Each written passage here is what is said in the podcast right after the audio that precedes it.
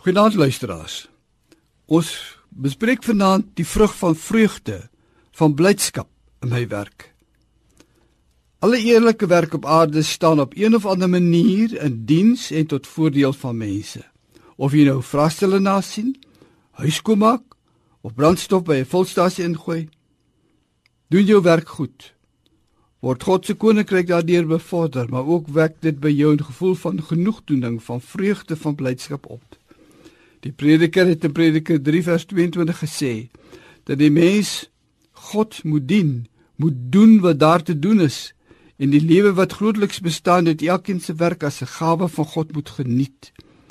Ek het gesien dat daar niks beter is as dat die mens vreugde vind sy werk, dit wat hom toekom staan in die skrif. Gelukkig is daar mense wat vervul is met innerlike vreugde in hulle werk. Wat hierdie vreugde nie vir hulself kan hou nie, Hulle moet dit eenvoudig met ander deel, net soos 'n bak met kujavos, granatellas of veselperskes, 'n hele vertrek vul met die heerlike geur van die vrugte. Volgens Paulus versprei hy deur ons die kennis van Christus oral soos 'n aangename geur en dat ons die wierook is wat deur Christus vir God gebrand word. In 2 Korintiërs 2 vers 14. Mense wat vreugde en blydskap toon in hulle werk geniet hulle werk. Want Psalm 128 vers 1 en 2 herinner daaraan dat geseënd is hulle wat die Here dien, wat wandel op sy weë. Jy sal die vrug van jou arbeid geniet en gelukkig en voorspoedig wees. Dan kyk ons ook na die derde vrug van die Gees, naamlik die vrug van vrede.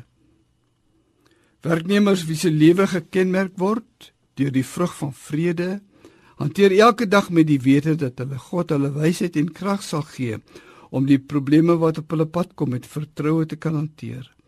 Hulle het vrede in hulle gemoed omdat hulle die versekering het dat hulle hom rus en vrede sal vind.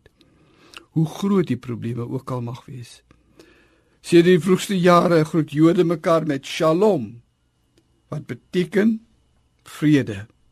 Om iemand vrede toe te wens, is dit my begeerte dat die persoon gelukkig in al sy verhoudings sal wees met God, met sy medemens, met sy medewerknemers en met sy omgewing. Onvrede is nie slegs 'n muur tussen ons en God nie, maar ook meestal tussen ons en iemand anders. Volkomme vrede met God kan slegs ervaar word wanneer jy in vrede met ander gelowiges lewe. Om vrede te maak tussen jou en iemand anders vra gewoonlik dat jy jou trots sal prysgee ter wille van die herstelde verhouding bied aan om verskoning te maak indien jy iemand beledig het of iemand te vergoed indien jy die persoon benadeel het. Vrede kan nie sonder 'n prys kom nie.